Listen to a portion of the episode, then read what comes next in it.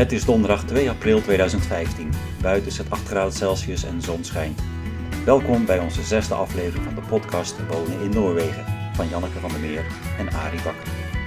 Met mijn been omhoog in verband met een ontstoken hiel vertel ik je vandaag wat meer over Pasen in Noorwegen en hoor je wat over de eerste schreden op ons verbouwingspad hier in Kvitsheid.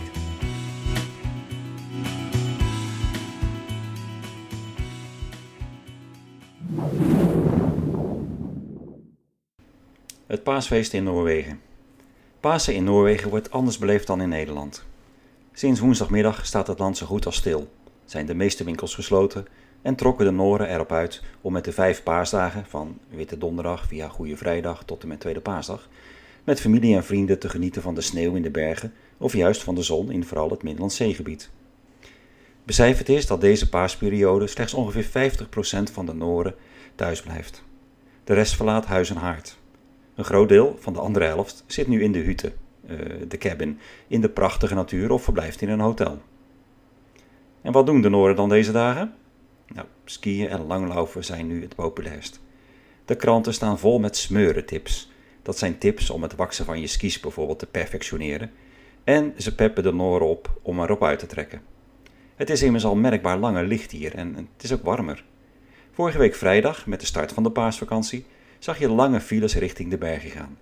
En we boffen gewoon dit jaar, want het weer is prachtig de hele week. Het samen zijn met familie en, en vrienden is erg belangrijk.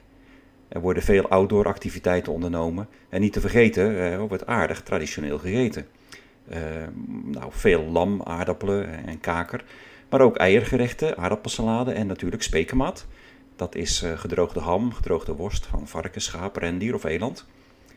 En tijdens het langlaufen, dat hier trouwens go poshi heet, letterlijk vertaald uh, gaan met de skis. Uh, gedurende dat langlaufen nemen ze ook thermosflessen mee met koffie, thee en knakworsten. Jawel, die blijven lekker lang warm in zo'n thermos. Natuurlijk bevat de rugzak ook de typisch Noorse quick lunch. Quick lunch is een kaak met chocolade. Het heeft wel iets van een KitKat weg. Iedereen heeft dat hier. Quick Lunch presenterer Norges fineste wintereventyr. Uh, naast die quick lunch nemen ze ook sinaasappelen mee. En in een enkele geval ook de engangsgrill, de wegwerpgrill. Een ander typische Noors iets met Pasen is de påskekrimi, de paastriller. Op radio en tv geniet men van spannende verhalen. En dit is een traditie die destijds in 1923 gestart werd door de publicatie van een krantenkop in een krant die uitschreeuwde: De trein naar Bergen is overvallen. Het bleek een advertentie te zijn van een misdaadroman en dit boekwerk werd destijds goed verkocht. De uitgever herhaalde dit de jaren daarna en het groeide uit tot een inmiddels waar fenomeen. Gisteren werd Jachthundene, de jachthonden, uitgezonden op de radio. Ik laat jullie even een klein fragmentje horen van het begin. Og jeg hilser bare at du ønsker dere god påske og god kriminell fornøyelse.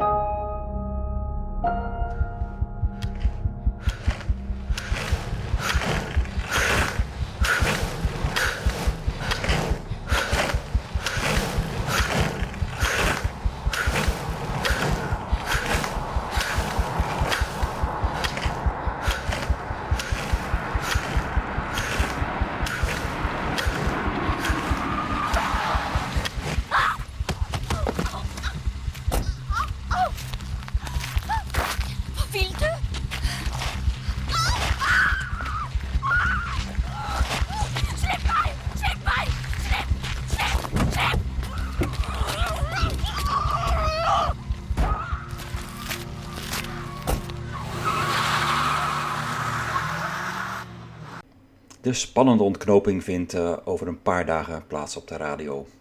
Behalve deze hoorspellen en tv-uitzendingen verschijnen er uh, deze weken ook enorm veel nieuwe thrillers in de boekhandel. Wie niet de Paske-krimi leest of uh, thuis blijft of de berg in gaat, die kan ook op Harrytuur gaan.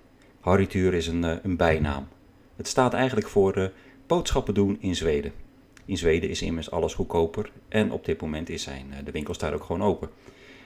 Je kan ook uh, een tour ondernemen naar, naar Denemarken. Daar ga je lekker met de veerboot. Kun je je gelijk weer eens lekker laten vollopen en drank inslaan. Want de verkoop van alcohol is nu niet toegestaan in Noorwegen. Pasen is trouwens van oudsher een feestelijke tijd ook voor de Samische bevolking in Noors-Lapland. Met Pasen werd de overgang naar het lichte jaargetijde gevierd. Rendierhouders trokken vroeger met Pasen vanuit hun geïsoleerde winterkampen naar het dorp om de verplaatsing van de kudde naar de kust voor te bereiden. Jonge paren gingen met Pasen naar de kerk om te trouwen. Het is deze dagen erg druk in de Samische dorpen in het noorden en oosten van Noorwegen. Oude tradities herleven er met veel feesten en festivals. De Samische Grand Prix en de jaarlijkse rendierrace zijn twee hoogtepunten. Maar er worden ook concerten, theatervoorstellingen en tentoonstellingen georganiseerd. Al met al toch wel wat anders dan weer eens naar eh, de Meubelboulevard te gaan.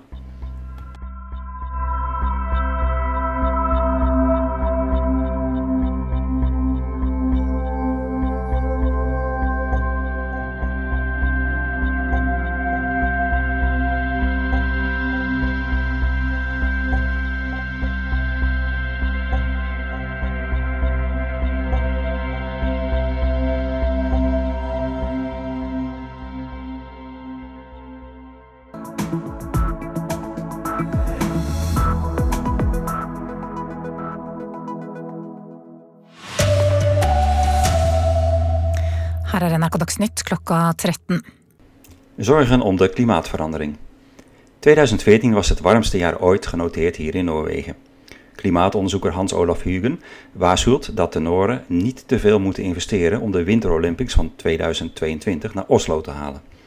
Voor veel sneeuwgebieden wordt verwacht dat de condities slechter zullen gaan worden. Sneeuwgebieden als Jusjeun en Trysil zullen kortere winterseizoenen gaan krijgen. Al met al een zorgwekkend toekomstbeeld voor de Noren, nu zij, volgens Hugen, er rekening mee moeten houden dat de volgende generatie met weinig sneeuw zal opgroeien. En los van dat klimaat was de winter hier in Telemark erg mild.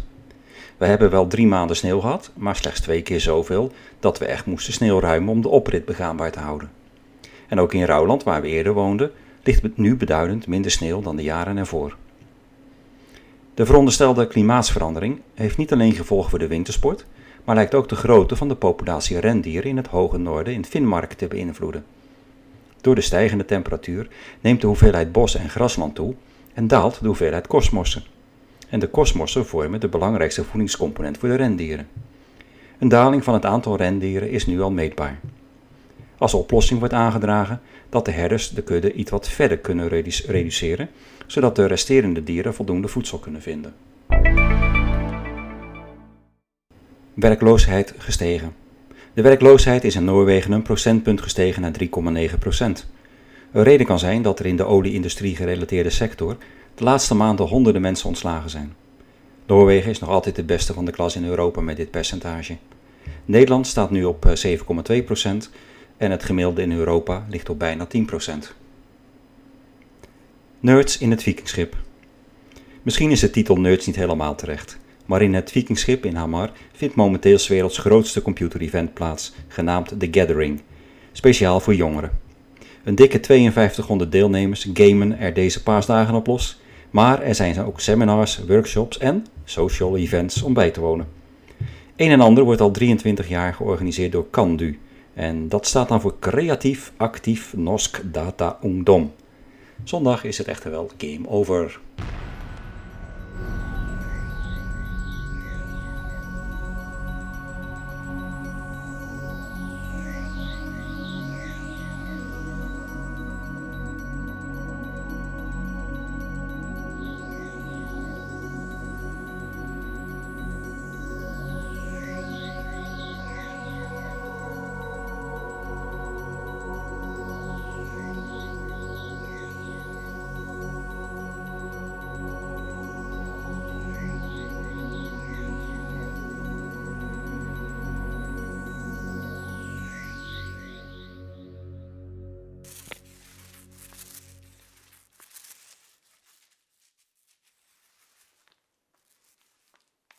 Dit zijn al eh, typische verfgeluiden. Ja, Wat ben je aan het doen? het is de finishing touch. Nou, ja, de keuken is geschilderd en eh, hier en daar moet nog een klein laagje over. Ja, met de keuken bedoel je niet eh, de keuken die we zelf gebruiken, maar we ja, zitten hier op de gastenkeuken, de zeg maar. gastenkeuken, hè? We zijn begonnen aan een verbouwing van ons huis. Ja, ehm, we moesten, ja, de, de tweede, of de eerste etage moet gewoon geïsoleerd worden nog. En eh, dan maken we gastenverblijf. Dus de keuken moet opgeknapt. En eh, nou, we hebben de panelen en de schroten van de muur afgehaald, want er zat geen isolatie achter. Nee. Dus het moet nog geïsoleerd worden. Ja. We hebben nieuwe ramen gekocht, die zijn besteld. Tien stuks. Dus ja, het wordt uiteindelijk heel mooi, maar er is eh, nog een hoop te doen. Ja. Het is een relatief oud, nou, relatief oud huis. Het is van 1943, komt uit de oorlog. Yep. En het is heel groot. Ja, bij elkaar hebben we elf kamers. Als je de ruimtes in de kelder meerekent. Ja, want die zou je eventueel kunnen bewonen. Er zitten grote ramen overal Ja, in. kan. Ja, Ja. zijn we niet van plan, maar eh, ja, we hebben in ieder geval ruimte zat. ja. Dus we willen de hele eerste verdieping gaan ombouwen tot een, eh, gastenverblijf. Mhm. Eh, voor familie, vrienden. Ja, oorspronkelijk was het ook een huis voor twee gezinnen. Ja, En dat is één huis geworden, maar ja, de indeling is nog zo dat je heel makkelijk met eh, twee losse families hier kan wonen, als je wil. ja. Ja, We zullen zien, wat ga je deze week doen verder? Ehm, ik ga morgen naar Ikea. Ja. een wasbak kopen en een kraan, want dat moet wel vervangen worden in de keuken. En eh, ja, ik wil nog wat verf hebben. En eh, ik krijg volgende week bericht van de van Buukmakker, de, de karwei of de gamma hier uit de buurt, zeg maar. Die gaat een prijsopgave maken voor wat ik allemaal nodig heb eh, om de boel te isoleren hier. Ja, hout, panelen, isolatiemateriaal. Ja. Ja. Oh ja, laminaat wil ik nog kopen. ja. Maar Is- dat, eh Is dat Ikea morgen open met Polske? Ja. ja, die is open. Oké. Die willen geld verdienen. Nou, we zullen nog een keer terugkomen op eh, de verbouwing na deze eerste start. Yep. Duizend tak. Het is weer tijd om afscheid te nemen. Deze zesde aflevering zit erop. Bedankt voor het luisteren. Je kunt reacties, suggesties en vragen sturen naar woneninnoorwegen.gmail.com En je kunt je ook gratis abonneren op deze podcast in iTunes. Zoek op Wonen in Noorwegen. Of op soundcloud.com. We zouden het leuk vinden als je in iTunes een reactie achterlaat. Dan worden we wat meer bekend bij podcastluisterende Nederlands en Belgen in de wereld. Je kunt ons ook vinden op Facebook, Wonen in Noorwegen. Vanuit Pietzij, Noorwegen zeg je een welgemeend Hadebra, Goe Paske. Hou je haaks en tot de volgende keer.